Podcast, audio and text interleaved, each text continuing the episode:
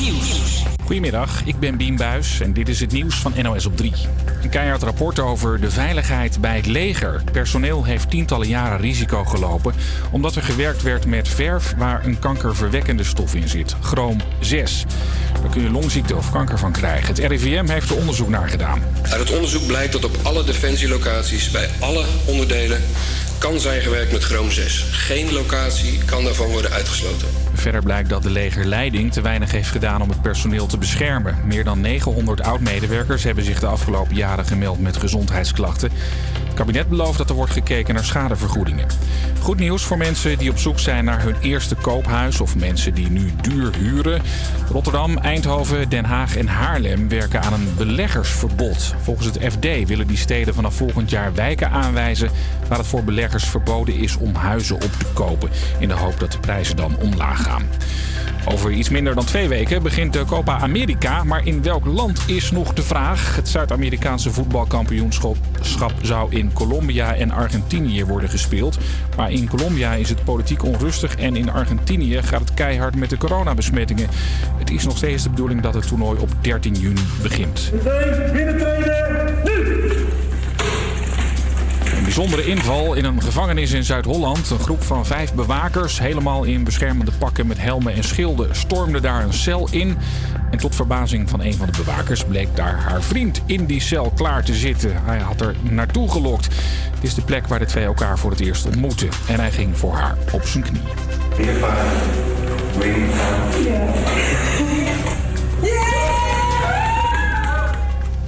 Het weer dan nog. Lekker weer. Op steeds meer plekken schijnt de zon. In het binnenland kan het 24 graden worden. Aan zee is het wat frisser. Morgen in het zuiden mogelijk 26 graden. En wat leuk dat je luistert naar Campus Creators op Radio Salto. Mijn naam is Rosie Kroon en samen met Marcelle zijn wij jouw presentatrices voor de komende twee uur. Achter de techniek vandaag Isabel. Een hele goede middag. Hey, en het is vandaag 31 mei, het zonnetje schijnt en deze week staat onze uitzending in het teken van de Week van het Huisdier. Zometeen meer daarover, maar eerst muziek. Campus Creators,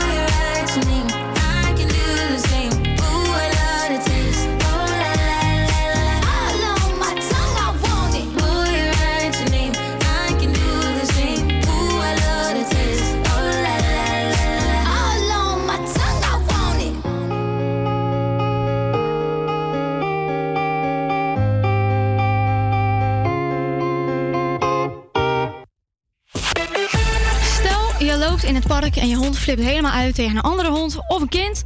En dit gebeurt elke keer als je met je hond naar buiten gaat. Ja, wat doe je dan? Nou, dan kan je dus naar een hondengedragsdeskundige gaan die raad weet met dit probleem. Als het goed is, heb ik aan de telefoon hondengedragsdeskundige Angelique. Hallo? Goedemorgen. Goedemiddag. Goedemorgen. Met Angelique, hoi. Hoe ben je erop gekomen om hondengedragsdeskundige te worden? Ehm, door een probleem van mijn eigen hond. Eh, vijf jaar geleden had ik een, eh, een Duitse dog. Ik heb ze inmiddels trouwens nog. Ja. En zij is heel angstig. En ik heb heel veel zelf eh, gedaan. Geprobeerd te doen, Mhm. maar dat lukte me niet. En zo heb ik een gedragsdeskundige ingeschakeld. en daardoor ben ik eigenlijk dit werk gaan doen. Zij zei tegen mij van, ja, je moet hiermee door. Je hebt En, iets in je. ja. En ja, zo is het eigenlijk het balletje gaan rollen. En, Ja. en wat deed je dan in eerste instantie om je eigen hond, zeg maar, ja, te proberen te helpen dat hij minder angstig werd? Overal eigenlijk mee naartoe nemen. Proberen de tijd te nemen. Vooral niet boos worden. En dat is als mens natuurlijk soms heel moeilijk. Ja. Je geduld raakt op. En zo ben ik eigenlijk ook een beetje gaan verdiepen in verschillende methodes. Dus het is niet dat ik vastgespijkerd zit op één methode. Maar we merken nu in deze wereld dat je toch eigenlijk heel veel vasthangt aan een bepaalde methode. Wat niet Mhm. altijd werkt overigens. En zo ben ik eigenlijk gaan proeven van ja, nou wat past bij mij en wat past nu bij mijn hond op dit moment. Ja, en zo hebben we dit uiteindelijk kunnen bereiken. Ja. Want wat houdt het nou precies in om hondengedragsdeskundige te zijn? Wat het inhoudt, ja, eigenlijk kun je zo goed als alle baasjes eh, met honden helpen. Dus een hond die heel angstig is of agressie vertoont. eh, honden die mensen heel graag eh, meerdere commando's willen leren. Puppentrainingen, workshops. Eigenlijk doe je zoveel waardoor je een heel breed eh, assortiment hebt en eigenlijk altijd wel iets kan bereiken. Ja. De ene keer gaat het natuurlijk makkelijker dan de andere keer. Dus daarvoor moet je ook een beetje zoeken wat eh, bij de hond past en bij het baasje. Ja, Ja. want eh, hoe, hoe gaat zoiets dan? Die mensen die, die, die bellen jou op, die nemen contact met jou en ga, ga, ga je dan bij hun langs? Of hoe ga je te werk? Eh, vaak krijgen we mailtjes en in die mail kunnen ze eigenlijk alles invullen. Hè? Een hond, een ras of hoe lang ze de hond hebben, wat de problemen zijn waar ze tegenaan lopen. Dan kan ik het op mijn gemak altijd nalezen en dan kan ik ook antwoord geven hoe ik graag iets zou willen doen. En dan kunnen ze bekijken van nou gaan we naar haar, dus naar mij op locatie. Ik heb verschillende honden om bijvoorbeeld mee te passeren, zodat we goed kunnen dooroefenen met honden ehm, aan de lijn Mhm. die dan uitvallen, wat je net in het begin al vertelde. En eh, hebben ze thuis bijvoorbeeld echt een probleem met de deurbel, of angstig naar mensen, of uitvallen naar mensen, of nou ja, welke problemen dan ook, dan ga ik graag naar de mensen thuis op locatie. En we komen tegenwoordig echt overal. Dus het maakt niet uit of het nou Nederland is bovenin of eh, België. Twee jaar geleden ben ik zelfs in Zuid-Frankrijk geweest op consult. Dus het is net ja, waar de mensen zich goed bij voelen. Dat is ja, uiteindelijk als je daar een klik mee hebt, dan, eh, ja, dan heb je al heel veel vertrouwen gewonnen. Zowel in Ja. baas als eh, met de hond. Ja. Want, eh, zou je een voorbeeld kunnen geven van, van wat je dan precies doet? Als, als bijvoorbeeld een hond helemaal gek wordt als de deurbel gaat. Ga je dan oefenen met de deurbel? Of, of hoe, hoe gaat zoiets? Ja, je gaat inderdaad oefenen met de deurbel. En je gaat de eerste keer ga je eens kijken van wat en op welk moment doet de hond dit.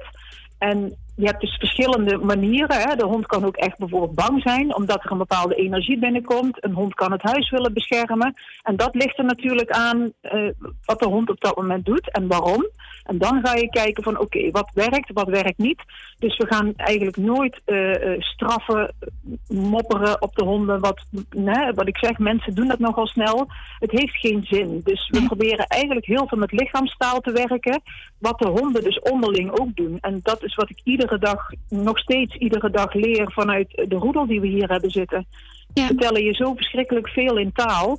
Ja, dat is gewoon prachtig om te zien. En als je de taal begrijpt, ja, dan begrijp je dus ook waarom deze methodes zo goed werken. En dan kan ik natuurlijk met koekjes en alles gaan oefenen. Maar de meeste keren heeft, ja, heeft het eigenlijk geen zin. Ja, het, het is dus gewoon een kwestie van aanvoelen. Ja, aanvoelen en goed bekijken, de situatie goed bekijken. Mensen vragen je wel eens tips. Soms lukt dat, maar in de meeste gevallen kom ik toch echt liever kijken om ja, te zien wat past bij de baas en bij de hond. Vaak geef je een tip en dan werkt het niet, maar puur omdat je de situatie niet gezien hebt. En op het moment dat je het ziet, dan denk je, ah, wacht even, hier gaan we het anders doen. En daardoor werkt de methode vaak zo goed. Nogmaals, het is niet één methode, maar het is de manier waarop, wat past bij die persoon en bij de hond. En, En, zo kun je ehm, ze ja, leren. Ja, en na hoeveel keer werkt zoiets? Dan ga je dan één, één keer langs of kom je twee keer langs? Of geef je de mensen tips mee? Meestal één keer. Meestal eh, duurt het ongeveer twee uur een consult. Dus we beginnen altijd kort met het bespreken van de punten waar de mensen tegenaan lopen. En van daaruit gaan we kijken, oké, wat past bij de hond? Meestal heb ik zelf al gezien wat erbij past. En dat wil ik dan ook de mensen leren, zodat ze dan ook kunnen zien tijdens dat consult dat het werkt. Ja. En uiteindelijk is het natuurlijk een kwestie voor de baasjes om door te pakken. Ja, Dus ze zien dat het werkt en daarmee kunnen ze verder. En ik vind het altijd prettig om nog contact te houden met de mensen. Ik zeg het ze ook altijd van, goh, laat iets weten. Of als je nog ergens tegenaan loopt of het voelt ja, moeilijk, ja, dan laat het me weten. Dan kunnen we verder doorpakken. Ja, ja precies. En, eh, en lukt het dan ook wel eens niet? Word je ook wel eens gebeld van, eh, nou, dit eh, het geeft helemaal niks, wat moet ik doen? Of, of, of werkt het Nee, meestal wel? Meestal werkt het toch wel hoor, jawel. Dus eigenlijk is het, ja, hoe moet ik het vertellen? Ehm, ja, je, op het moment dat je iets ziet, vaak is het, ja, nou, eigenlijk moet ik het zo zeggen. Als de baasjes eh, bepaalde punten vergeten, dat kan, dat is ook helemaal niet erg. Mhm. Dan kunnen we daar in ieder geval door filmpjes via WhatsApp, dat is natuurlijk het gemakkelijkste. Mhm. Kunnen we kijken waar we de sturing kunnen veranderen. En kijken wat er mis is gegaan of wat ze zijn vergeten. Zodat we dan eh, weer ja, opnieuw op kunnen pakken. En wat vind je nou het allerleukste aan je werk? dat ik de baasjes en vooral de honden weer blij kan maken en de hond weer hond laten zijn. Dat is het mooiste. Ja, leuk. Voor menselijke vaak de honden. En dat is eh, aan de ene kant natuurlijk heel erg leuk en goed. Maar als je een probleemgeval hebt, dan moeten we echt andere sturing aan gaan Ja. pakken. Maar dat is ja, fantastisch om dat te kunnen bereiken en mogen bereiken. Ja. Mhm. En wat is nou het allergekste wat je ooit hebt meegemaakt? Wat is het meeste bijgebleven? dat is een, een hond die eh, niet aan de riem kon lopen, maar ook echt niet aan de riem. Dat was een, ja, een pitbull van zes jaar oud. Ja? Die had helaas een traumatische ervaring gehad. En door die ervaring kon je echt alles behalve een riem omdoen. Alles wat met een touwtje te maken had. Als je een hoodie aan had, het koordje aan je telefoon. Mhm. Alles, alles. Dan Ja, flipte dat die hond aan. helemaal zo. Ja, compleet. Helemaal ongelooflijk. We hebben nog nooit zoiets ja, traumatisch gezien. En eh, uiteindelijk zijn we daarmee gaan werken. En het duurde mij eigenlijk vrij lang voordat ik iets bereikte. En eh, ja, dan word je s'nachts wakker door het niet rust kunnen vinden van jezelf. Van waar heb ik het misgedaan? Hoe kan dat nou? Mhm. En eigenlijk door een hele simpele oplossing is het gelukt. En wat was dan die Dus dat- oplossing? ik zeg al, het, eh, we hebben hem toen heb ik hem eigenlijk laten zwemmen. En door dat zwemmen is hij eigenlijk, heeft hij die doorbraak gemaakt. Dus dan moet hij vertrouwd zijn aan de riem. Want op die manier kon ik hem eigenlijk naar de kant halen. Dus hij moest eigenlijk het vertrouwen hebben eerst in mij. En, en in en het waarom water, dan zwemmen? waardoor dat je eigenlijk samen... Ja, dat, dat is een goeie. Waarom zwemmen? Uiteindelijk, die hond die kon dus niet zwemmen. En bijna iedere hond kan zwemmen. Ja. Maar deze hond heeft eigenlijk heel weinig meegemaakt in zijn leven. En door dat zwemmen moet hij uiteindelijk vertrouwen hebben aan dat touwtje. Dus daar kon ik hem mee sturen, daar kon ik hem mee leiden. En uiteindelijk uit het water zijn wij een wandeling gaan maken van anderhalf uur. Ja, dat was dus de, de doorbraak. Fantastisch. Ja. En ja, ik heb nog nooit zo'n gelukkig baasje gezien. Die was echt, het baasje is ja, Ah. ontiegelijk blij. Want hij kan dan weer samen met zijn hond na zes jaar gaan wandelen. Ja, dat, dat snap die ik heel is vier goed. weken intern geweest. Ja, En, fantastisch. echt. Ja, en wat vind je van mensen die zichzelf hondenfluisteraar noemen? Bestaat zoiets of, of is dat hetzelfde als hondengedragsdeskundige? Ja, ik weet het niet. Ik, eh, mensen zeggen wel eens tegen mij van ja, kun je nou zien wat mijn hond vertelt? Ja, ik kan zien wat je hond vertelt, maar niet door in zijn brein te luisteren naar wat hij mij vertelt, maar puur Ja. door de lichaamstaal. Ja. Dus ik denk ook dat het door het eh, Amerikaanse, hè, de dog whisper, dat het daar vandaan komt. Maar echt hondenfluisteraars, ik zelf geloof daar niet in. Nee. Ik geloof echt in het observeren van de hond. Nogmaals, iedere hond is anders, net als wij mensen.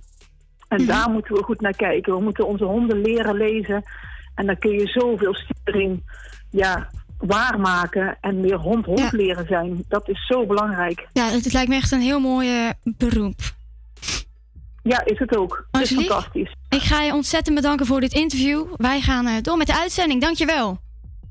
Dankjewel. Jullie ook. En eh, fijne dag nog. En succes met de uitzending. Dank je. Dank u. Dag.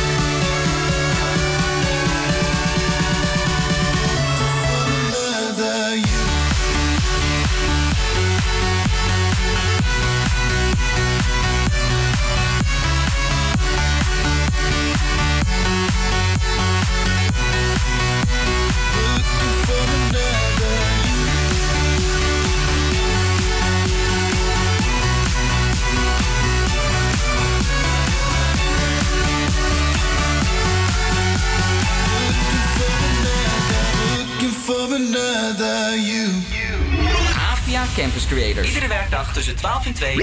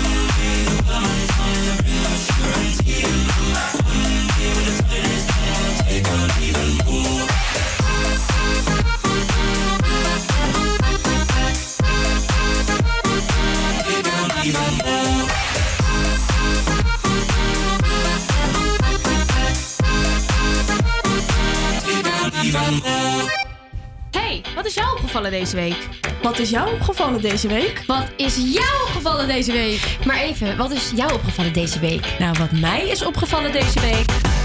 We hebben het allemaal wel gehoord. De mishandeling van Lil Kleine bij zijn vriendin Jamie Vaas. Het laatste nieuws is dat Lil Kleine en Jamie zeggen dat de geruchten niet helemaal waar zijn.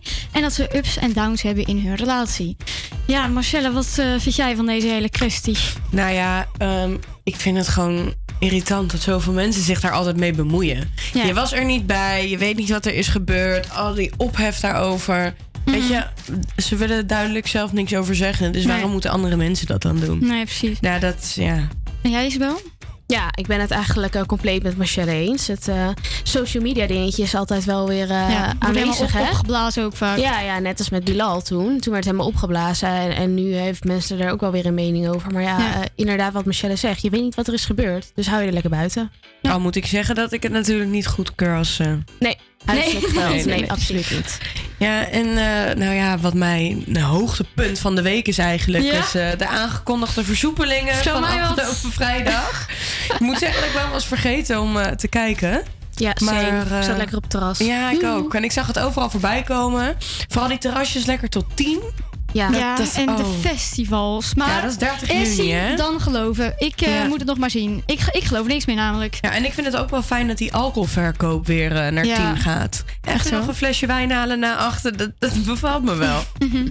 Gewoon zorgen dat je altijd wijn in huis hebt, Michelle. nou, dat heb ik ook wel. Maak je, Ja. maar, niet, maak je maar niet druk. Ja, en ehm, iedereen heeft het vast wel gehoord. Eh, de militair. Eh, Jurgen Konings, die gewoon al bijna twee weken van de radar is. Ja, ehm, ik vind het best wel een dingetje hoor. Is, is hij nou nog steeds niet terecht? Hij is nog steeds niet terecht. Ze zijn eh, afgelopen donderdag eh, met 300 Belgische militairen en 120 politiemensen weer opnieuw op zoek gegaan. En ik las dat eh, gisteren de- het weer gestaakt want ze kunnen hem gewoon niet vinden. Maar, Maar- die man is echt Waren ze niet levensgevaarlijk. in? Frankrijk of zo? Zag ik dat voorbij komen? Geen idee. Oh. Maar ik vraag me af, als je dan tw- twee weken verder bent, ga- gaat hij dan nog wat doen? Of wacht hij zijn moment af? Of... Nou, Dat ik, weet je niet, hè? Ik heb dus ook gezien dat er hele Facebookpagina's zijn. waarin mensen ook zeggen van. eh, oh, hij mag wel bij mij schuilen. En mensen die hun hoofd ook echt kaal scheren. omdat ze echt volledig achter hem staan. Ik vind het heftig hoor, want die man die weet echt precies alles gewoon hoe je moet doen. Ja. Ik vind dat heel eng, Met zijn survival trainingen en dat soort dingen hij ook. Ja, die kan gewoon eh, vijf jaar eh, in het bos overleven, bij wijze van. Ja, echt. Ja. ja, ik eh, denk dat we hiermee gaan afsluiten. We gaan lekker door met muziek. Hier komt Rise van Lost Frequencies.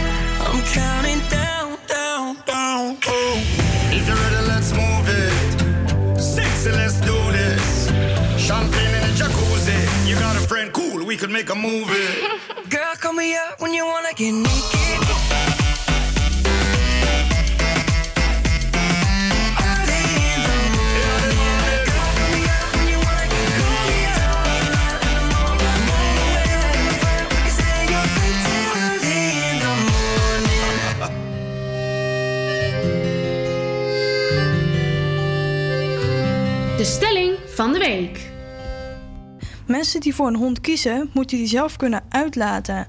Ben je het daarmee eens of oneens en waarom dan? Ik ben het daar eh, niet mee eens. Want eh, een hond is een sociaal dier. En het is heel fijn als die af en toe een roedel kan zijn. En eh, het is ook goed voor socialisatie. Je bedoelt eh, goed voor de socialisatie van de hond. Eh, hoe bedoel je? Nou, hij eh, leert dan ook hondentaal. In plaats van hè, als je thuis bent en je laat hem hier alleen maar uit, dan eh, is hij alleen maar in contact met mensen en heel weinig honden. En daar leeft hij in een roedel. En dan leert hij ook eh, hondentaal. En dat is goed voor de socialisatie. In principe ben ik er wel mee eens. Als je overweegt om een hond te nemen, dan moet je daar de ruimte voor hebben en de tijd. En dat betekent ook dat je, die, dat je de hond drie keer per dag moet kunnen uitlaten.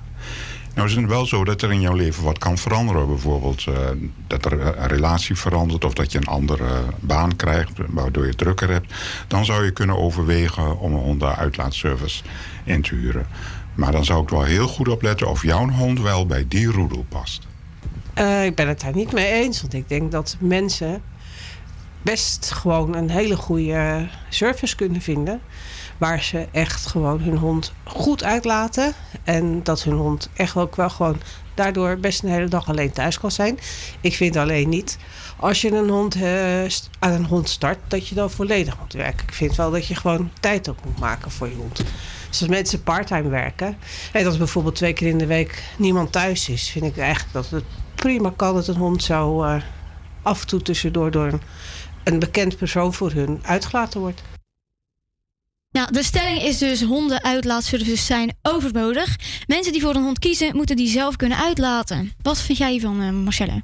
Ehm, nou ja, ten eerste, waarom zou je geen gebruik maken van een hondenuitlaatservice als dat voor die hond alleen maar prettig is? Omdat hij dan minder lang alleen zit. En op het moment dat je een hond neemt, denk ik dat je wel gewoon goed moet nadenken over ja, wat er allemaal bij komt kijken. Ik Ja. ben wel van mening dat er best wel veel mensen zijn die er eigenlijk niet zo goed over nadenken. En denken, Nee. oh ja, is gezellig, leuk beestje. Maar je moet er natuurlijk wel ook voor kunnen zorgen. Mhm. Maar nou kan het natuurlijk zijn dat in je leven dingen veranderen... waardoor je minder tijd krijgt. Dus Ja. waarom zou je daar dan geen gebruik van mogen maken als dat er is? Ja, maar ik vind het wel wat anders. ehm, als je kiest voor een hond, zeg maar. Als je hem net, net neemt en je gaat meteen voor zo'n uitlaatservice. Want ik denk dat heel veel mensen dat nu eh, tijdens coronatijd hebben gedaan.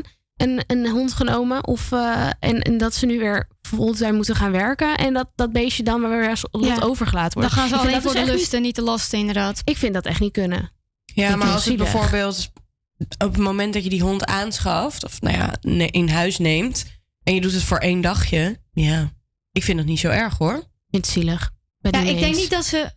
Want de stelling is dat ze over, overbodig zijn. En dat, dat denk ik niet, nee. Nee. ik denk dat het alleen maar fijn is dat het er is. Voor dat Ja. beestje alleen maar prettig, toch? Mhm. Ja, vind ik wel.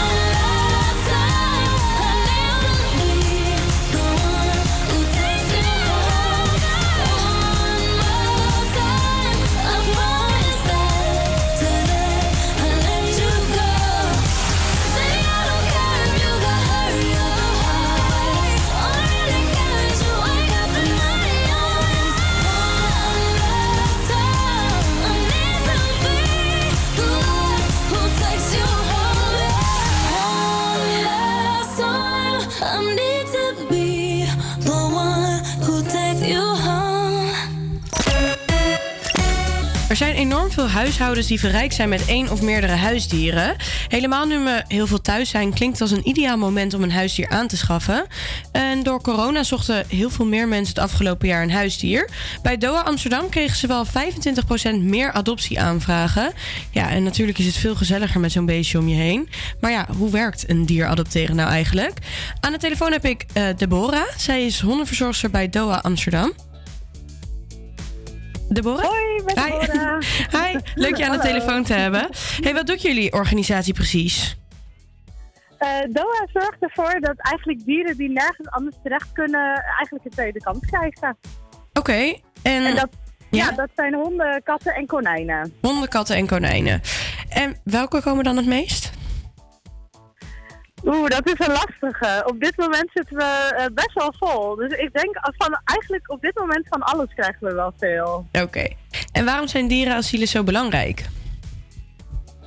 Eh, nou, het asiel is ontzettend belangrijk, omdat vooral eh, ja, dieren die hebben echt een plekje nodig om ergens bijvoorbeeld tijdelijk onderdak te hebben. En als dat er niet is, dan ehm, ja, worden ze toch verkocht via Marktplaats of gaan mensen andere manieren zoeken of ja, worden het soms zwerfdieren.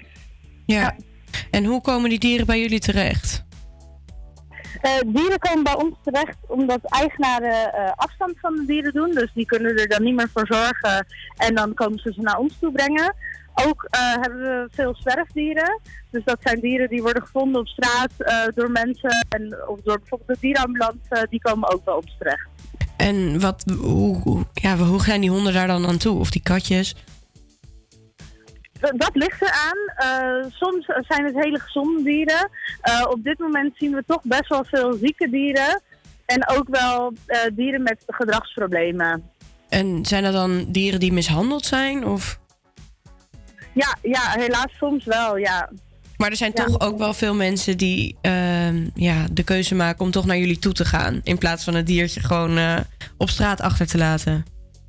Zeker. Gelukkig zijn er heel veel mensen eh, die bij ons komen aankloppen voor hulp. En ehm, in de eerste instantie zeggen we ook altijd van kom bij ons gewoon voor vragen, voor hulp. Eh, het hoeft niet gelijk afstand te zijn, maar we willen je ook graag op de weg helpen met andere dingen. We hebben ook een gedragsdeskundige in huis, dus die kan vaak ook al heel veel tips geven. Oh ja, dat is wel fijn inderdaad. En door corona, merk je, merken jullie daarin verschil dan?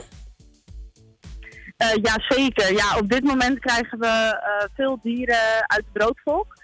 Dat zijn vaak jonge dieren die echt eh, ziek zijn, die parasieten met zich mee hebben. Waardoor nieuwe baasjes het eigenlijk soms ook niet meer kunnen betalen. Omdat de medische kosten zo hoog oplopen dat ze dan toch uiteindelijk hier naartoe gebracht worden.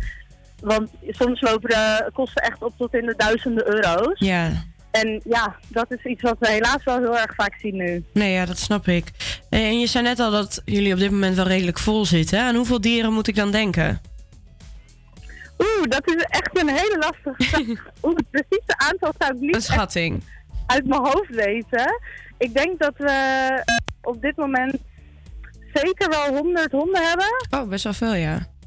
Ja, best veel. En ehm, de katten en konijnen, oh, dat durf ik even niet uit mijn hoofd te zeggen. En hoeveel mensen werken er dan bij jullie? Want je, je hebt over 100 honden. Die moeten Ja. uitgelaten worden natuurlijk, eh, gevoerd worden. Hoeveel mensen Zeker. Ja, zijn daarvoor? Wij hebben in totaal hebben we ongeveer 30 mensen vast in dienst. Mhm. En ehm, deze verdelen zich over de hondenafdeling, de katten-konijnafdeling en natuurlijk ook eh, kantoorwerkzaamheden. Ehm, Gelukkig hebben we heel veel vrijwilligers die ons echt elke dag komen Ah. helpen met schoonmaken en uitlaten en allerlei dat soort dingen. Oh, dat is heel erg lief. En kan iedereen Ja, dan zomaar een dier komen ophalen uit het asiel? Nee, we hebben best wel een eh, uitgebreide adoptieprocedure. Ja, hoe gaat dat dan? We, ja, we vragen eerst aan mensen of ze een vraagformulier online invullen. Mhm. En daaruit gaan wij kijken van, goh, eh, hebben we misschien een passend dier voor jou? En eh, daarna nemen we altijd telefonisch contact op om een specifiek dier even goed door te spreken. Wat zijn de problemen? Heeft die problemen? Ehm, en past dat bij jou? En Mhm. dan maken we een afspraak om eh, het dier in het echt te ontmoeten. En heb je dan ook wel eens gehad dat er bijvoorbeeld iemand komt en die geeft aan van... joh, ik ben hier naartoe, ik ben hier naar op zoek. En je ziet die mensen en je denkt eigenlijk, dit gaat hem niet worden. ja, dat hebben we wel vaak, ja. Ja, want op papier is iemand Ja. toch, ja, kan zichzelf anders omschrijven dan in het echt natuurlijk. Maar wat doen jullie dan? Ja, wij verkopen ook best wel vaak nee, helaas. Ja. Maar ehm, dat betekent helemaal niet dat de mensen ongeschikt zijn. Maar dat betekent eigenlijk dat we op dat moment geen perfecte match voor iemand Nee. hebben. Eh, eh, ja, wij zijn echt op zoek naar de perfecte match voor Ja. een hond of een kat of een konijn. En we, ook om ervoor te zorgen dat het echt het definitieve huisje blijft. Ja, dat dus, is voor eh, dat dier vaak ook... mensen eh, ja, ja, vaak vragen we dan van, goh, we hebben op dit moment niet echt de perfecte match, maar blijf onze website in de gaten houden en wie weet over een paar maanden, dan eh, kunnen we je wel blij maken. En wat nou als er meerdere ja, mensen zijn voor één hond? Ja, dat gebeurt ook best wel vaak. Dan is het een soort van Ehm, mine, mine mette. Ja, daardoor kiezen we echt de beste klik uit. Dus degene die de beste klik heeft met de hond, eh, Mhm. daar gaan we dan voor. En komt het dan ook wel eens voor dat mensen die hond dan in huis nemen... en dat ze dan terugkomen van... joh, dit is toch niet wat we hadden verwacht? Ja, helaas gebeurt dat ook nog steeds, ja. Oké. En wat kost het dan gemiddeld om een dier eh, uit asiel te halen? Het verschilt een beetje per dier. Het verschilt namelijk ook eh, van de leeftijd. Maar eh, bij ons kosten de honden kosten ongeveer 225 euro. Oké. En eh, een kat 135. Oké, en wat zit daar dan En bij dan kan het- ingegrepen? Zijn ze dan ook ingeënt? Ja, zeker. Ze zijn ingeënt. Mhm. Ze hebben een chip. Ze zijn ontwormd, ontvlooid. En alle katten zijn steriel. Dus die zijn gecastreerd of gesteriliseerd. En eh, wij bieden ook nog drie maanden nazorg. En dat betekent dat de gedragstherapeut die eh, geeft gratis consult eigenlijk. En die helpt met bepaalde dingetjes. En eh, de dierarts kan ook altijd helpen. Oké. Nou, ja. hartstikke bedankt voor je tijd. Heel erg leuk om te horen hoeveel vrijwilligers er ook bij jullie werken. Vind ik altijd leuk om te horen. Ja, zeker, ja. Nou, hartstikke bedankt. Fijne dag. Geniet lekker van het zonnetje. En wij gaan verder met onze uitzending. Yeah, super bedankt. Oké, okay, dankjewel. Okay,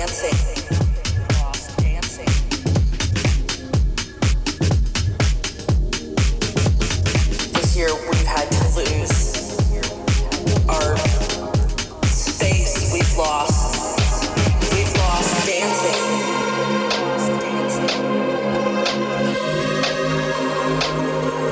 All these things that we took for granted.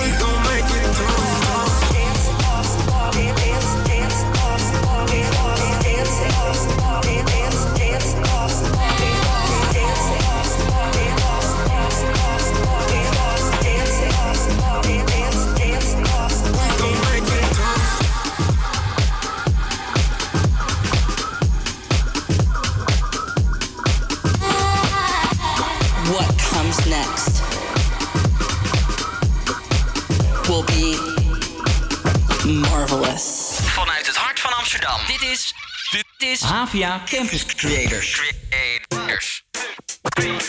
De klaagmuur. Oh, de klaagmuur. Wat een gezei. Ik heb hier toch zo geen zin in. Kutleven. Waarom altijd? Ja, heel leuk natuurlijk zo'n huisie. Maar kunnen we het er even over hebben? Over de nadelen van die vieze stinkbeesten. Nou, en die zijn er hoor. Ik heb oh zelf een kat. oh Overal liggen haren. haren. En als je dan bezoek krijgt, weet je, je gaat niet elke minuut van de dag stofzuigen. En dan heeft ze ergens op de bank geslapen. En dan, Oh, die haren gaan in die naden zitten van die bank. Dat En dan komt er iemand langs en die gaat erop zitten. En dan zit die hele bil vol met haren. ja, dat is vreselijk. Echt En dan- dan vreselijk. zeg je ook, eh, kan je even omdraaien, want je hele kont zit vol Oh ja, en met dan heb je, zo, heb je zo'n roller. En, oh, Het vreselijk. maar ik wil het ook heel graag eventjes met jullie hebben over die vieze stinkhonden. Ja, dat je dan bij iemand thuis komt en er komt een beest aan Ja, met maar een kwijl ik heb- uit zijn bek met een stront. Oh ja, en die, dat kwel. En dat zo over je, over je schoenen heen, over je... Nou, ik heb sowieso echt een onwijs sterke neus. Ik dat ik in mijn vorige leven een hond ben geweest. Ehm, want ja... Blaf is dan? En als het dan... nee, maar... eh, Chihuahua, wat is Isabel? Ik was een chihuahua, nee. Ehm, ik heb dus in mijn trappenhuis hebben wij dus een hele grote Berner Senner. Voor de hondenkenners onder ons, die weten wel eh, hoe groot die beesten zijn. Maar grote honden stinken gewoon altijd. En als het dan heeft geregend? Nou, Nou. niet eens als het heeft geregend. De geur natte Ik- hond Ja. Echt Dat bestaat. onbeschrijfelijk. Ik ruik gewoon dat beest, ongeacht of het heeft geregend of niet, altijd in dat trappenhuis. En dan word ik net wakker en dan loop ik door het trappenhuis heen. Nou, ik ga echt bijna van mijn stokstaart. Het Ja. is zo smerig. En, en mensen die een hond hebben, die ruiken er vaak ook naar. Ja, ja, ja. ja. Ja, maar Ja. Dat, oh, dat is echt heel vies, hè? mensen die dan niet het scheid opruimen van het beest. En dan let je eventjes niet op. En dan denk je, godverdomme, Ja. wat ruik ik. En dan keer je je voet even om. En dan heb Ja. je in zo'n vieze, Echt smerig. verse Ja, mijn, mijn kat die besluit soms ook gewoon om zomaar op dingen te plassen. Hè? Oh, dat is niet ik goed heb hoor. één keer gehad dat Nou, ze ik gewoon over ook iemands broek heeft geplast. Oh, nee, dat is ook niet ja, goed. En, en, en de geur van kattenpis Ja, dat gaat nooit is meer weg. echt heel vies. Ja, of dat gaat nooit meer weg. Zo'n ammoniaklucht gewoon. Nee, kattenstront vind ik nog wel meevallen. Nou, nee, die, ik die, die niet. pis. Ja, die Gadverdamme. pislucht, ja. En die ruik ik dus niet zo vaak. Maar ik, ik heb ook een kat en dan kom ik af en toe de schuur in. Ja. En dan komt er Oh, een bleh. walm van stront, Bleh. meur Bleh. op je af. Dat je gewoon nog net al niet over je nek gaat. Ja, dat is echt smerig. Je moet ook elke dag dat bakje leeg Ja, maar niet denken dat, dat ik die drol kan pakken. Dan ga ik spontaan over mijn nek. Het is Oh, zo ja, vies nee, dat kan ik dan nog moet. wel. Dat kan ik nog wel. Want ik Je moet moet. ook altijd door de wc Ja, jij gaat toch ook niet poepen op een vieze play? Nee. Nee, nee, dat is waar. Het zijn schone ik beesten. doe echt alsof ik die kattenbak elke dag bij hou. Maar dat doe ik ook niet. Oh nee, zo ben ik wel. Ik ben daar wel echt netjes in hoor. Ik, ik ben zelfs zo'n zo'n lief baasje dat als mijn kat meteen gepoept heeft, dan pak ik het gewoon op met een tissue en dan pleur ik het in de wc. Ah, maar ik moet dan van gewoon echt kokhalzen. Zo Zo, ik. smerig vind ik het. Ja, ik vind van het walgelijk. Ik eh, denk dat we hem lekker gaan afsluiten hiermee, want eh, honden stinken gewoon. Ja, ik had ook.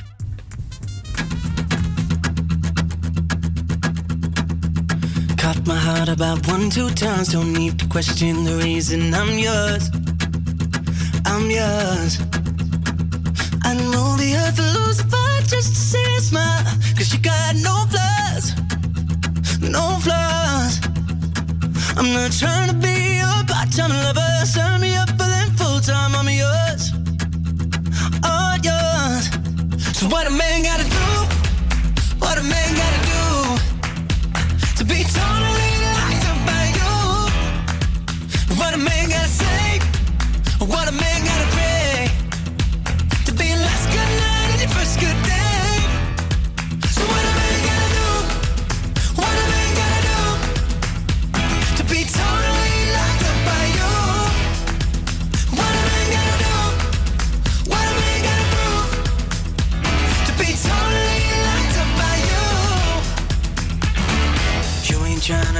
wasting time on stupid people and cheap plans, I'm sure. I'm sure. So I gave a million dollars just to go to grab me by the collar and knock on these doors. These doors. I'm not trying to be a part-time lover.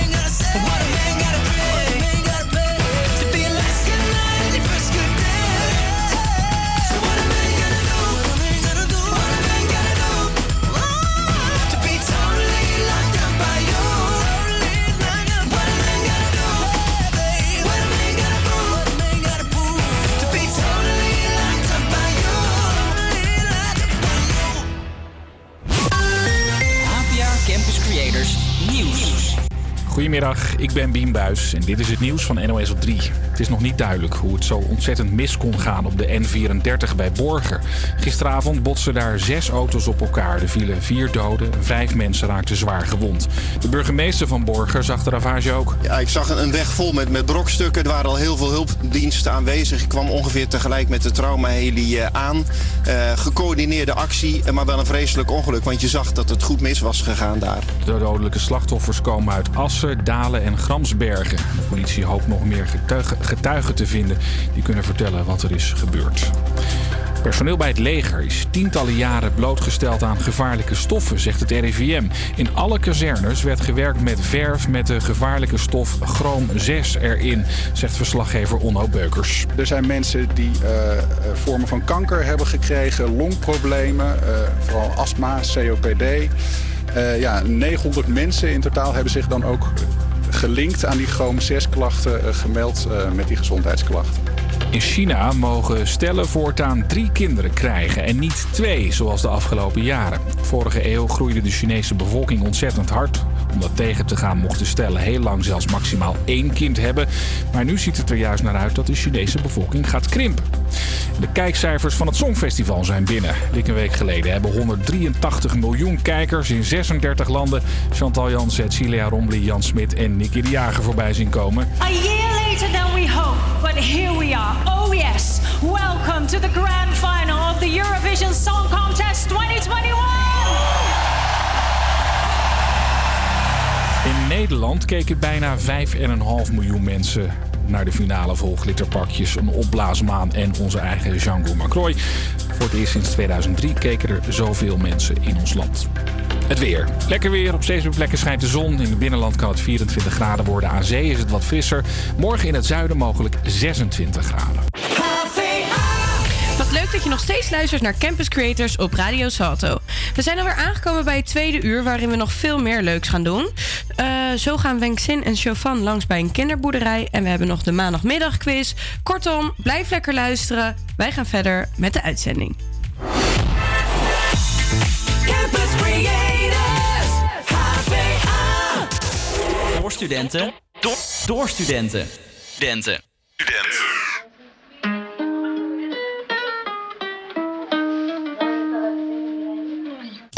it bad just today. You hit me with a call to your place. Ain't been out in a while anyway. Was hoping I could catch you throwing smiles at my face. Romantic talking, you don't even have to try. You're cute enough to fuck with me tonight. Looking at the table, all I see is bleeding white. Baby, you living a life, but nigga, you ain't living right. Cocaine and drinking with your friends.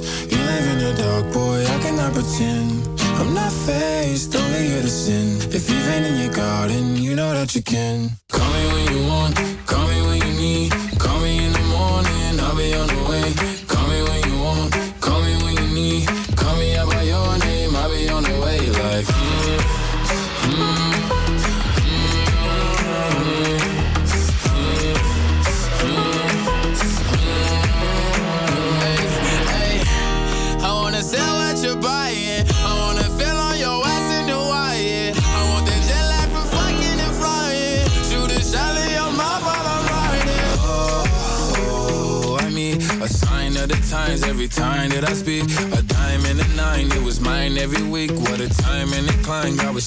on me. Now I can't leave.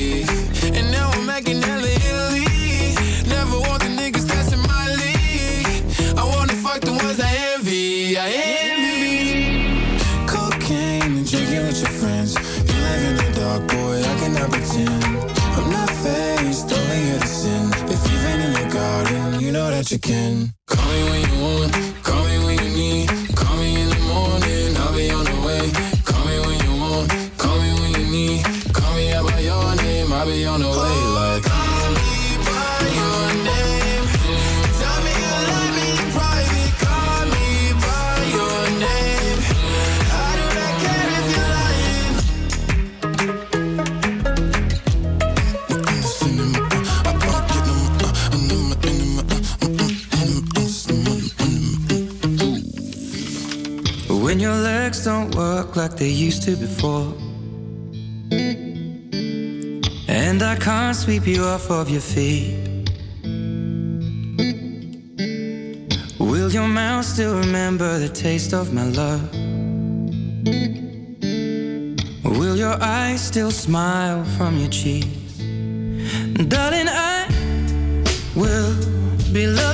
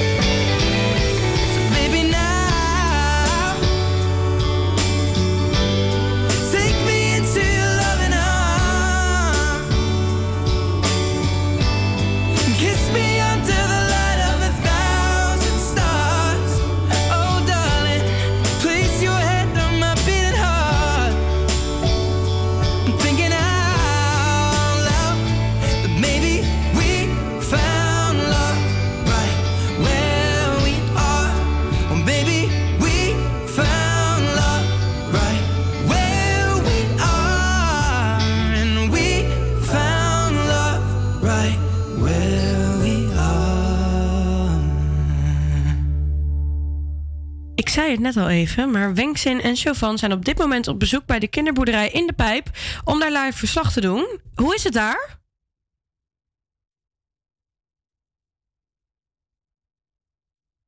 Nou, vast gezellig. Gaat het eh, helemaal goed? Moeten we even wachten?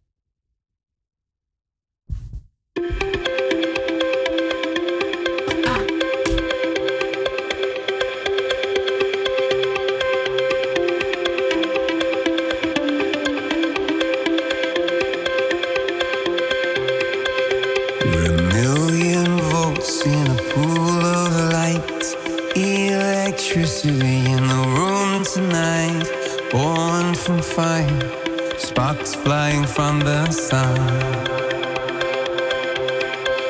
Hey, I hardly know you, can I confess? I feel your heart beating in my chest. You come with me,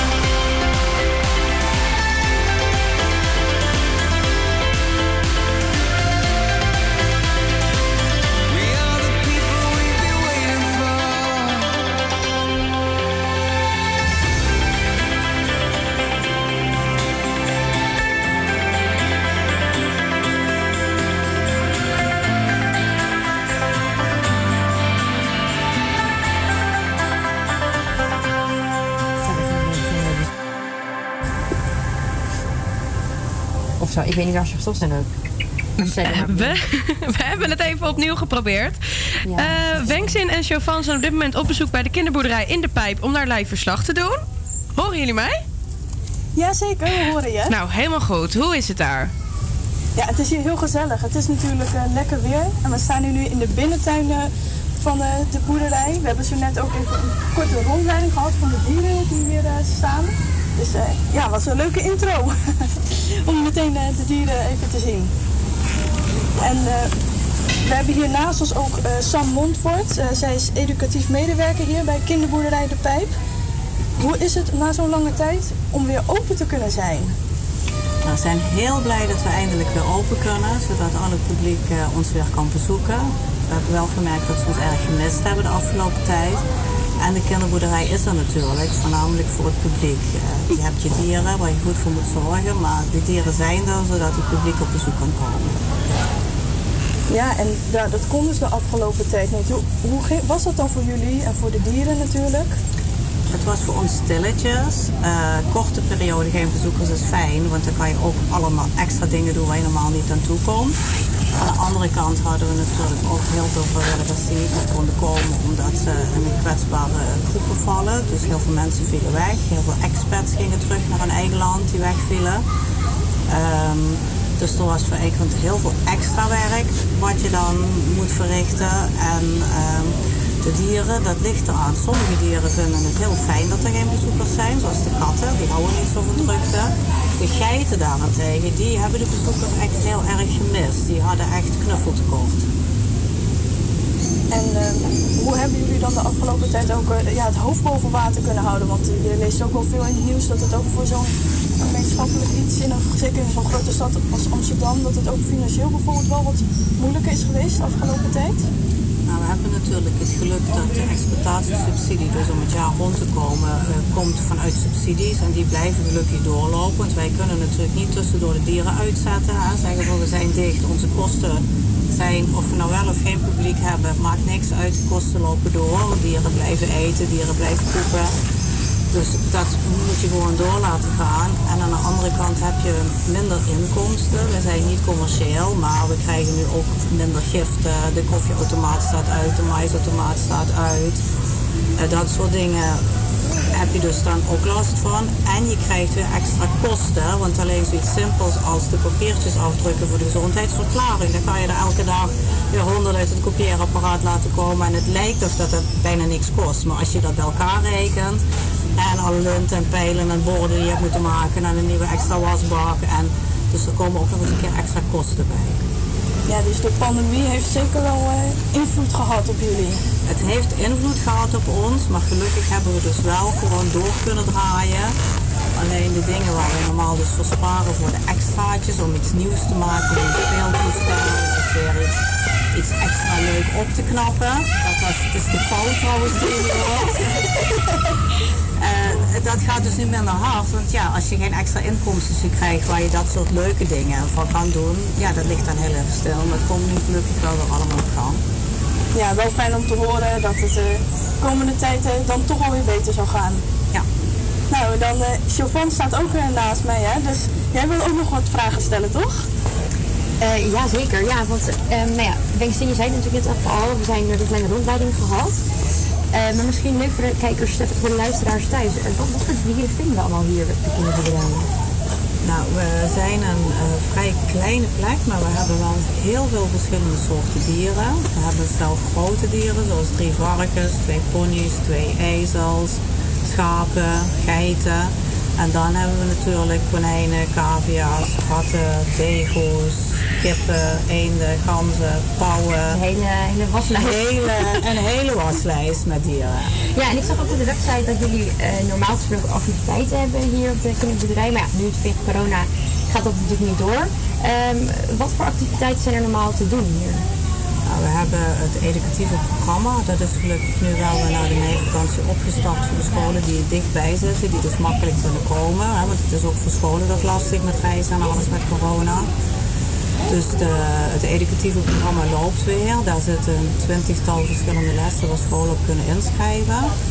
Daarbuiten hebben we dan voor het eh, gewone publiek hebben wij normaal elke woensdagmiddag knutselactiviteiten. Alle vakanties knutselactiviteiten en eh, drie à vier keer in de week dieren op school. Dus dan komen de cavia's en de konijnen en de kippen worden uit de hokken gehaald en die komen dan onder begeleiding van mensen van de kinderboerderij bij, de, bij iedereen die wil aaien, mogen die dan even op schoot zetten. Maar dat loopt allemaal nog niet, want we mogen de binnenruimte officieel nog niet gebruiken. Oké. Oh, we ook een binnenruimte. Ja, laat ik jullie straks nog wel even Ah, zien. kijk, dat is leuk. En ehm, wat zijn de plannen voor de zomer? Wat mag er zo meteen misschien wel weer en niet? Laten we helemaal afhangen aan hoe het eraan toe gaat. Want plannen maken is heel lastig. We hebben een aantal keren plannen gemaakt en dan verandert toch weer alles. Dus we hebben nu zoiets van we wachten af, we laten het op ons toekomen. Zo snel als het weer mag willen we het knutselen en het knuffelen weer opstarten. En misschien moet het in aangepaste vorm. Heb ik vorig jaar zomer ook gedaan. Dat je wat meer doorstroom knutselactiviteitjes doet. Waar je dus niet te dicht op de mensen hoeft te staan. Dat je spullen kan klaarzetten. Dat je een groepje kinderen met hun ouders kan laten knutselen. En als ze klaar zijn kun je opruimen bij het volgende groepje. Dus niet meer met 30 tegelijkertijd. En zo doen we dat ook met het knuffelen. Dus in aangepaste vorm denk ik dat we voor de zomer wel weer wat dingen kunnen doen op de boerderij. Nou, dat is in ieder geval een heel mooi vooruit, eh, vooruitzicht. Nou, wij gaan hier nog even een rondje lopen, want het is prachtig weer. Eh, we gaan ook naar de studio.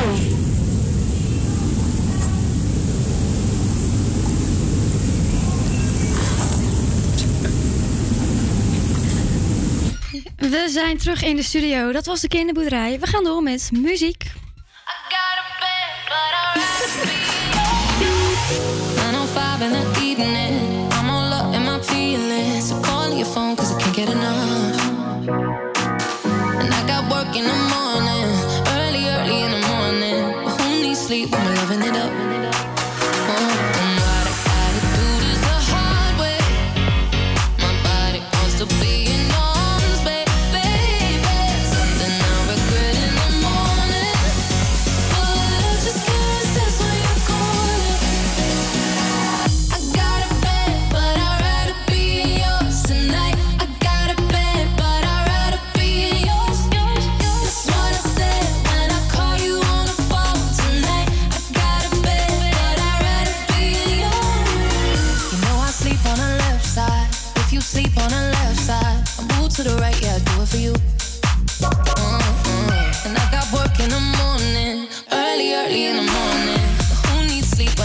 you?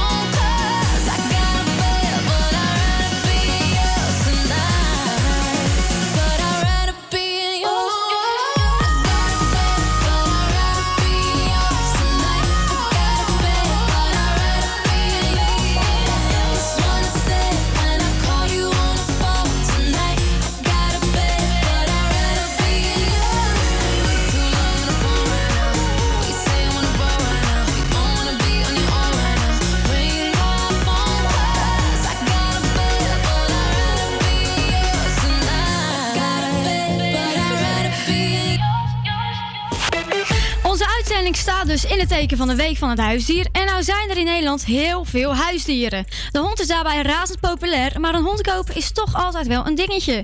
Een hond kopen bij een fokker kan risico's met zich meebrengen. Fokt de hondenfokker de honden wel op een gezonde manier bijvoorbeeld?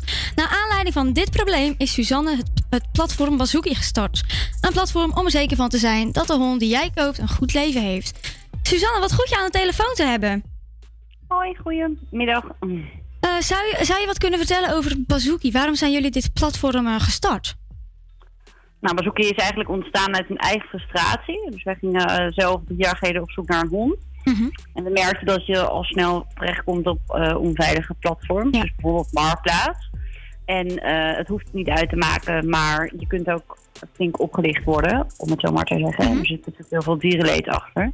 Ja. Dus daarom, dat vonden we eigenlijk heel raar. En toen dachten we, waarom is er niet gewoon een platform waar die veiligheid wel geboden wordt? En toen hebben we eh Bazooki opgericht. En eh Bazooki is een platform waar iedere fokker of aanbieder, voordat hij een account kan aanmaken, is gescreend. Ja. En eh, ja, daarmee zijn we anders dan de rest. En wat doet Bazooki dan precies? Nou, we gaan altijd langs bij de fokker. Dus dat is een van de eerste momenten van de screening. En daarna, op het moment dat we langs zijn geweest en we zeggen, nou, het is oké. Dan eh, moeten fokkers een administratie aanleveren. Dus denk dan bijvoorbeeld aan gegevens over de ouderdieren, eh, eventuele gezondheidstesten, eh, gegevens over de pups. En ook op het moment dat jij een pup koopt bij een van onze fokkers, dan moet hij weer administratie over de pups aanleveren. En zo kunnen we gedurende het hele traject controle houden. Ja. En stel, hè, ik ben een hondenfokker. Wat moet ik dan doen om bij jullie aan te melden? Nou, als jij gewoon een goede hondenfokker bent, dan, dan betekent het dat je eigenlijk aan een paar harde eisen voldoet. Natuurlijk, je zorgt goed voor de honden die de pups krijgen, dus de ouderdieren.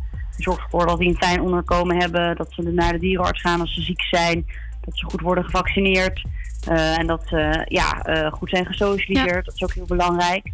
En eh, daarnaast ehm, kijk je of je oude dieren gezond zijn. Dus dat je niet eh fokt met zieke dieren. Die eventueel die ziektes kunnen doorgeven aan hun nakomelingen. Ja. En dan ten der, ja, op, de derde plaats is het ook heel belangrijk dat je de nieuwe baasjes eh, screent. Dus als dat je de mensen die bij jou komen even gewoon een dubbel check doet of die mensen echt geschikt zijn om een hond op te voeden. En, he- en hebben jullie dan vaak dat jullie mensen moeten afwijzen? Fokkers bedoel je? Mhm. Nee, dat komt niet heel vaak voor. De meeste fokkers, kijk, het is ook misschien een beetje biased, want veel fokkers van die zich bij ons natuurlijk aanmelden, die zullen al eh, ja, best wel heel goed zijn, om het zo maar te zeggen. Want anders wil je ook misschien niet op zo'n platform waar alles heel transparant is. Eh, maar eh, we hebben wel eens gehad dat fokkers of bij naar aanleiding van het bezoek niet hebben aangesloten, of dat we gedurende de weg op het platform hebben gezegd, nou, nu heb je iets gedaan, dat is in strijd met de standaard, we halen je account offline. En, dat eh, is zelfs gebeurd, ja. maar dat is niet heel vaak. En, en wat zijn dan zeg maar de overwegingen om eh, zo'n persoon af te wijzen? Ja, dat verschilt natuurlijk heel erg. Kijk, je bent in principe natuurlijk wel holistisch. Dus ieder fokker het op zijn eigen manier. En je, je maakt een totaal overweging of iemand op basis van het eerste gesprek en het bezoek thuis wel of niet erop mag. Maar er zijn natuurlijk een aantal red flags waarbij je, eh, waar op, op basis waarvan je kan zeggen, nou, hier ga ik geen account aanmaken. Bijvoorbeeld als het heel erg smerig is of heel erg stinkt. Mhm. Dat is natuurlijk wel een teken aan de wand dat er bijvoorbeeld heel veel uitwerpselen liggen en de honden niet een fijne, schone omgeving hebben.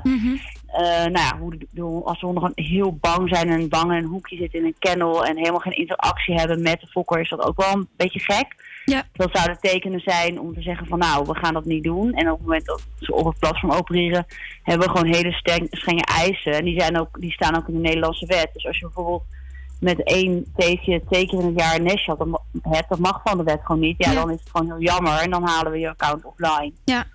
En stel, ik eh, wil een hond kopen, wat moet ik dan doen? Moet ik dan gewoon naar jullie site gaan of iemand bellen? Hoe, hoe, hoe gaat zoiets in zijn werking? Nou, als je een hond wil kopen, dan ga je natuurlijk eerst. Het ligt een beetje aan eh, je- of je je al goed hebt geïnformeerd. Want je gaat natuurlijk voordat je die hond koopt, eerst op zoek naar wat voor hond wil kopen. Wat past bij mij, wat past bij mijn levensstijl. Heb ik genoeg tijd? Heb ik over vijf jaar ook nog genoeg tijd om voor de hond te zorgen? Heb ik genoeg geld? Eh, wil iedereen bij mij thuis een hond of ben ik de enige die dat graag wil? En als je daar op een gegeven moment doorheen bent en ook weet van nou, dit ras of deze kruising die past goed bij mijn levensstijl, dan ga je denken van ja, wil ik dan een pup of wil ik misschien liever een herplaatser, dus een oudere hond, een, een, ehm, een huis bieden. En als je dan denkt van ja, ik wil een herplaatser, dan kun je bijvoorbeeld naar een plaatselijk asiel gaan of eh, via internet kan je ook een herplaats zoeken. Maar als je dan een pup wil, dan kun je naar bezoekje gaan en je daar inschrijven bij een fokker. Ja. En, eh, hoe, en hoe lang duurt dat dan eh, voordat je een hond kan kopen? Hoe gaat zoiets? Ja, dat is een beetje lastig te zeggen. Soms dan kan het wel meteen. Of tenminste, kijk, als een hond is geboren, dan moet hij sowieso minimaal zeven weken bij de moederhond blijven. Dus dan mag hij pas verhuizen. Ehm, en eh, ja, soms moet je wel een half jaar op de wachtlijst, of soms wel een jaar. Dat verschilt ook een beetje per hond. Maar het is ergens ook wel, ja, wel goed, denk ik. Ik denk dat weinig mensen echt graag de hond eh, meteen opkomen halen. Het is ook wel fijn om je daar een beetje op voor te bereiden. Dus je gaat eerst altijd eventjes kijken. En dan ga je, is het gevoel goed met degene die de honden verkoopt. En is het gevoel goed met de hond. En dan maak je op daar, basis daarvan een keuze. En dan meestal haal je drie of twee weken later haal je hem op. Ja. En eh, hoeveel mensen melden zich bij jullie om eh, een hond te kopen? Een kleine indicatie. Ongeveer 50 per dag. Wow, wow, dat is echt heel veel. Ja, dat is, ook, dat is best wel veel, ja. En komt dat ook, ook door corona, denk je dan?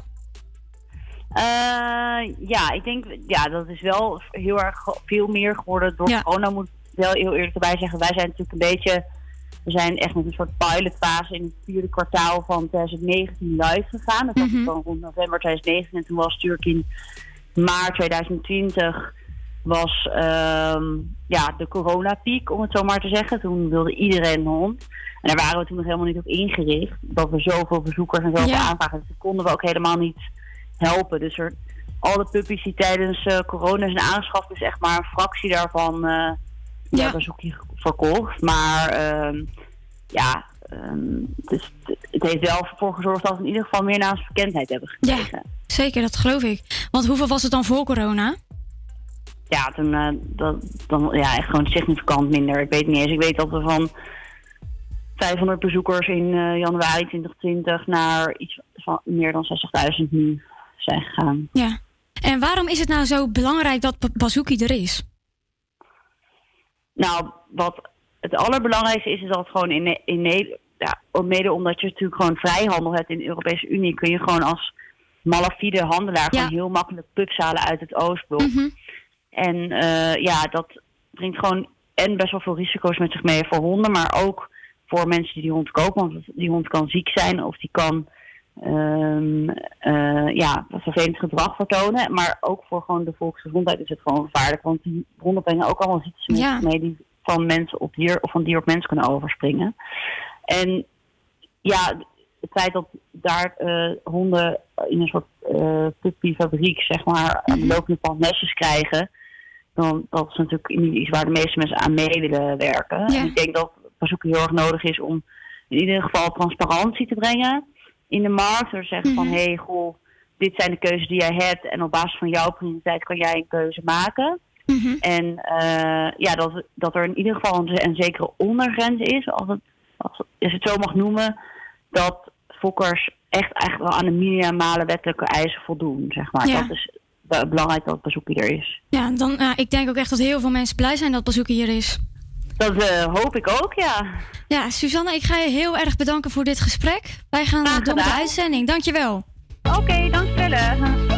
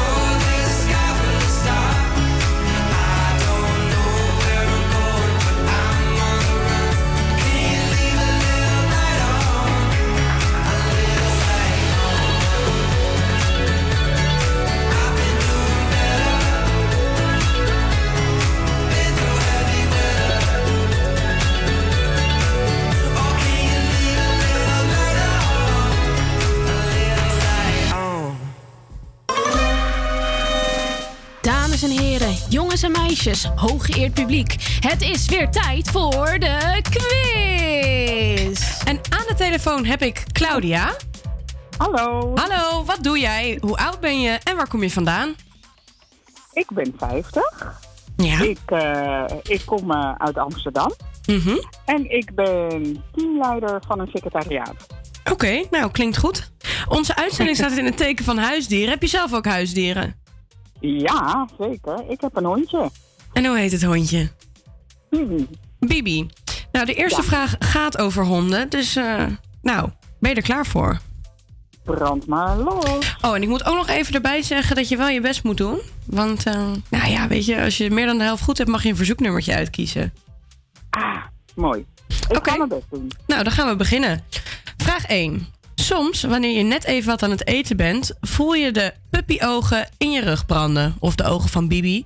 Je trouwe viervoeter komt naar je toe gerend en smeekt als het ware om een stukje van wat jij dan ook net in je mond hebt gestopt. Maar dat is niet altijd zonder risico, want veel wat wij als mensen eten, daar reageren de maagjes van de hondjes niet zo goed op. Maar wat mag een hond wel eten? Is dat A. druiven, B. spersiebonen of C. tomaten? Oh, wel. Nou, spersiebonen. Nou, die heb je helemaal goed. Waarom, waarom dacht je spersiebonen? Eh, omdat ik wist dat druiven sowieso niet. En Mhm. tomaten twijfelde ik over. Dus eh, ja, dan bleven spersiebonen over. En soms zit het ook in het voer. Dus dat. Oh ja, dat is een goeie. Nou, vanavond eet Bibi eh, spersiebonen. Not. Nee, dan gaan we naar vraag 2. Wanneer een konijn wordt geboren, kun je niet gelijk zien of het een mannetje of een vrouwtje is. Dit duurt even en wordt pas zichtbaar wanneer het konijn verder is ontwikkeld. Maar hoe wordt een mannetjeskonijn genoemd? Is dat A, een ram, B, een voedster of C, gewoon konijn? Een ram. Nou, eh, wederom helemaal goed. We gaan naar vraag 3 en dit is een waar of niet waar. En de vraag gaat over katten. Eh, een kat zweet via zijn kussentjes. Dat zijn de zachte stukjes onder de poot van een kat. Is dit waar of niet waar? Waar? Ook deze is helemaal goed. Een kat zweet via de kussentjes onder de pootjes. Want de katten hebben geen zweetklieren. En daardoor kunnen ze dus niet normaal transpireren. Als gevolg hiervan kunnen katten snel oververhit raken. Oververhit. Ik word zelf ook helemaal warm van. Eh, en dat zorgt er dus voor dat wanneer het buiten warm is, dat er altijd. Ja, daar moet je voor zorgen dat er altijd een schaaltje vers water buiten staat. klopt. Dan gaan we naar vraag 4. We hebben in Nederland met z'n allen enorm veel huisdieren. En iedereen kent eigenlijk wel iemand met een huisdier of heeft er zelf eentje. Maar hoeveel huisdieren zijn er in Nederland? Is dat A 17,6 miljoen, B 27,3 miljoen of C 35,2 miljoen? Wow. Ik denk B. Ah. Ging je ervan uit dat je het fout had? Yay! ik denk, ik kan toch niet goed blijven gaan. Ja, nou, super. Ja. Nou, het verzoeknummertje komt steeds dichterbij, hè? Ja. We gaan naar vraag 5. We blijven bij de huisdieren in Nederland, want in 2019 had 47,7% van de huishoudens een huisdier. Maar welk huisdier komt het meest voor? Is dat A, een konijn, B, een kat, C, een hond of D, een vis? Nou, dat is een twijfeltje tussen hond of kat. Oh, die is echt moeilijk. Dan ga ik voor de kat. De kat is met 23,4% het meest populaire huisdier in Nederland. Daarna komen inderdaad de honden met een mooie 17%. En op de derde plek staat het aquarium met de vissen erin met 3%. Wauw. We gaan even terug naar een vraag over konijnen. Heb je eigenlijk zelf wel eens konijnen gehad? Ja, maar dat was niet een succes. Waarom niet? Nou, er lag er eentje dood. Wat was er dan gebeurd? Dat weet ik niet. Maar ik, ik hou ook niet zo van knaagdieren. Het een beetje... eh, Oh, wat eh, zielig voor dat kriebelig. konijn. Ja, heel. Nou ja, normaal gesproken worden ze 6 tot 8 jaar oud. Maar vanaf hoe oud kan een konijn zich voortplanten? Is dat A vanaf 12 maanden, B vanaf 3 maanden of C vanaf 24 maanden? De drie, de kort, ik denk dat dat de konijn. Heeft eh, jouw konijn überhaupt nog eh, de kans gehad om zich voor te planten of was het daarvoor al gedaan? Nou, ik weet ook niet eens wat voor, eh, of het een mannetje is of. Je hoort het maar niet van konijnen. Nee. Ik weet, het, ik weet het voor de kinderen, zeg maar. Oké, dan gaan we naar de laatste vraag. Eh, Honden zien niet zoals wij mensen. Dus Bibi ziet anders dan dat jij dat ziet. Maar wat zien ze wel? Is dat A, zwart-wit? B, blauw, groen, geel en grijs? C, blauw, geel en rood? Jongen, jongen, jongen. ik had even een vraag. Eh, ik denk die met de blauw, geel, groen en grijs. Ja, honden zien bijna geen roodtinten. Ze hebben moeite met het onderscheiden van groen en rood. Wanneer je dus een rode bal in een grasveld gooit, zal de hond het niet lastig vinden. Of zal de hond het lastig vinden om de bal te vinden. Ja. Hey, maar dat was de laatste vraag. Ja, ik wilde Jongen. zeggen, ik kijk even naar mijn buurvrouw om te kijken hoeveel vragen je goed hebt. Maar je hebt ze allemaal goed. Supergoed. Ja. Dus dat betekent dat jij een verzoeknummertje mag uitkiezen. Ehm, nou, dan doe ik eh Stevie Wonder met Isn't She Lovely. En waarom kies jij voor dat nummer? voor Bibi. Voor de hond. Voor Bibi. Ja. Ik denk Oké. dat ik er heel blij van word. Dat ja. is Bibi haar lievelingsliedje. Ja, ja, ja. Oké, nou dan gaan wij daar lekker naar luisteren. En geniet lekker van het zonnetje vandaag. Dankjewel. Ja, jullie ook. Wie zie je ze blaft al? Oh. en het liedje is nog niet eens begonnen. En daar kan je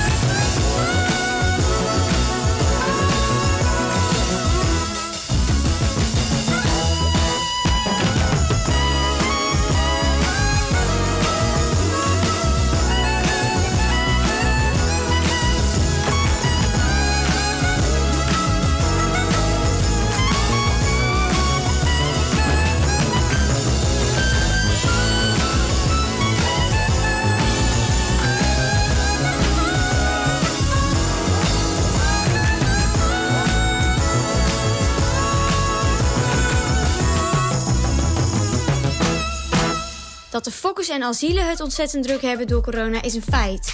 Maar in hoeverre merken de dierenwinkels de impact van corona? Ik ging langs bij een dierenwinkel om erachter te komen welke dieren het populairst zijn en waar je aan moet denken voor je een huisdier koopt. Ik ruik al de geur van het hooi. Ik loop nu naar binnen en ik sta naast Marianne en Kees. Jullie werken in deze dierenwinkel en merken jullie nou dat er sinds corona meer vraag is naar huisdieren? Ja, absoluut. En waar komt dat door, denk je? Eh, mensen hebben tijd over. Nou zie ik hier vogeltjes en cavia's en hamsters. Welke dieren zijn nou het meeste in trek? Eh, konijnen, En waar ligt dat aan, denk je? die zijn aaibaar. En waarom dan geen cavia's of hamsters? Of eh, zijn die ook wel populair? Alles gaat, eh, alles vliegt de deur uit. En nou schijnt het ook dat er sinds corona meer fokkers zijn, maar ook neppe fokkers. Merken jullie daar ook iets van? En wat vind je daarvan? Ik heb wel eh, een enkele klant gelukkig gehad waarbij de pup vrij snel stierf nadat ze hem aanschafte. Of mensen die eh, verder weg in Nederland eh, voor puppies gingen kijken waarbij geen oude dieren aanwezig waren en ehm, meerdere soorten puppies van verschillende rassen. Ja, dat is meestal een alarmbel Ja. die afgaat. Want wat zou je mensen aanraden die nog op zoek zijn naar een puppy of een kat? Zeg maar voor een goede fokker. Nou ja, het advies, eh, ja, dat is er niet echt. De meeste mensen bekijken het op het internet. Ehm, ja, je moet erheen gaan, je moet er een goed gevoel bij hebben. De oude dieren moeten aanwezig zijn. Of in ieder geval de moeder. De vader is niet zo belangrijk. En, ja, ja, het asiel is leeg. Ja, het, eh, het schijnt dat de asielen inderdaad, eh, dat de vraag niet meer eh, om aan te slepen is. Zoveel vraag is er naar die dieren. Klopt. Ja. Dat klopt, dat heb ik ook gehoord. Ja. Nou zie ik eh, hamsters, vogeltjes, cavia's en konijntjes.